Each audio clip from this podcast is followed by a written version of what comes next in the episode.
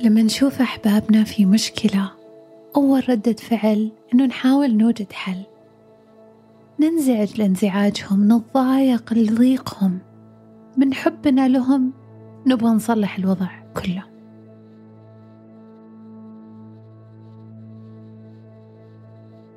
لكن ممكن بعض الأحيان بدل ما نساعدهم نضايقهم أكثر.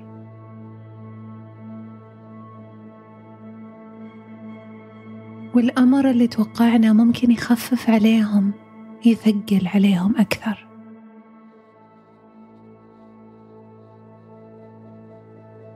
نحس بالحيرة. كانت كل المحاولات لتصحيح المسار لهم. كنا نعطي حلول ممتازة. ليش انزعجوا أحبابنا منا؟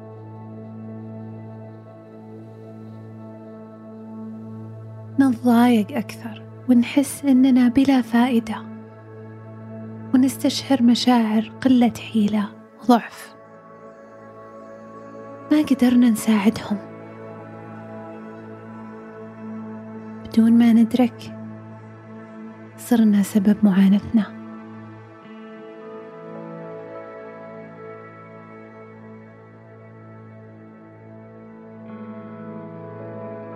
ألم مستمر بداخلنا. لكن ممكن إيقافه. لما ندرك ما في داخلنا نقدر نغير القصة اللي نقولها. نقدر نغير القصة اللي نقولها. كيف؟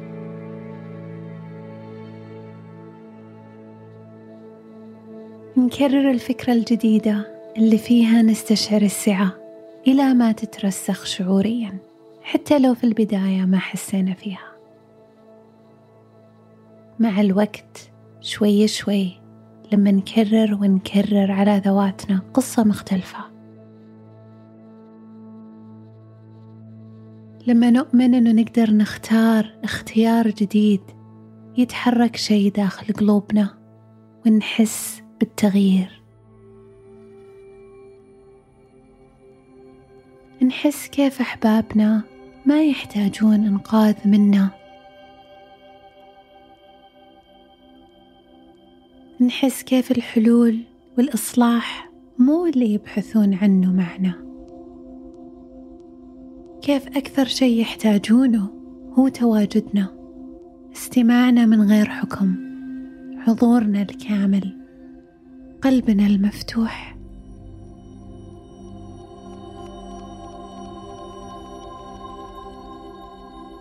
نحس كيف أشياء خارج نطاق تحكمنا. كيف بعض الأحيان الحلول مفيدة لكن كثير من الأحيان في الحياة لا توجد حلول.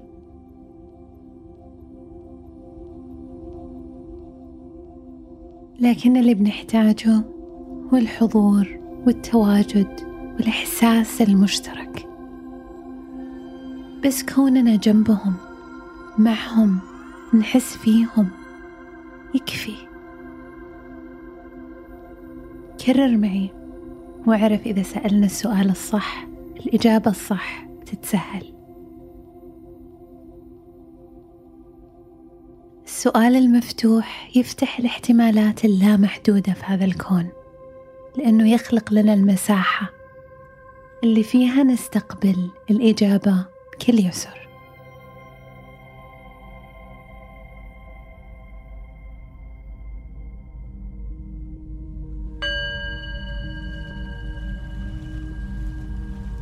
كيف أثق أنه تواجدي يكفي لدعم أحبابي؟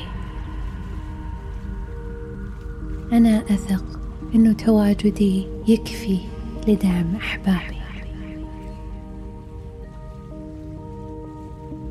كيف أكون حاضر أستمع بقلب مفتوح لكل من أحب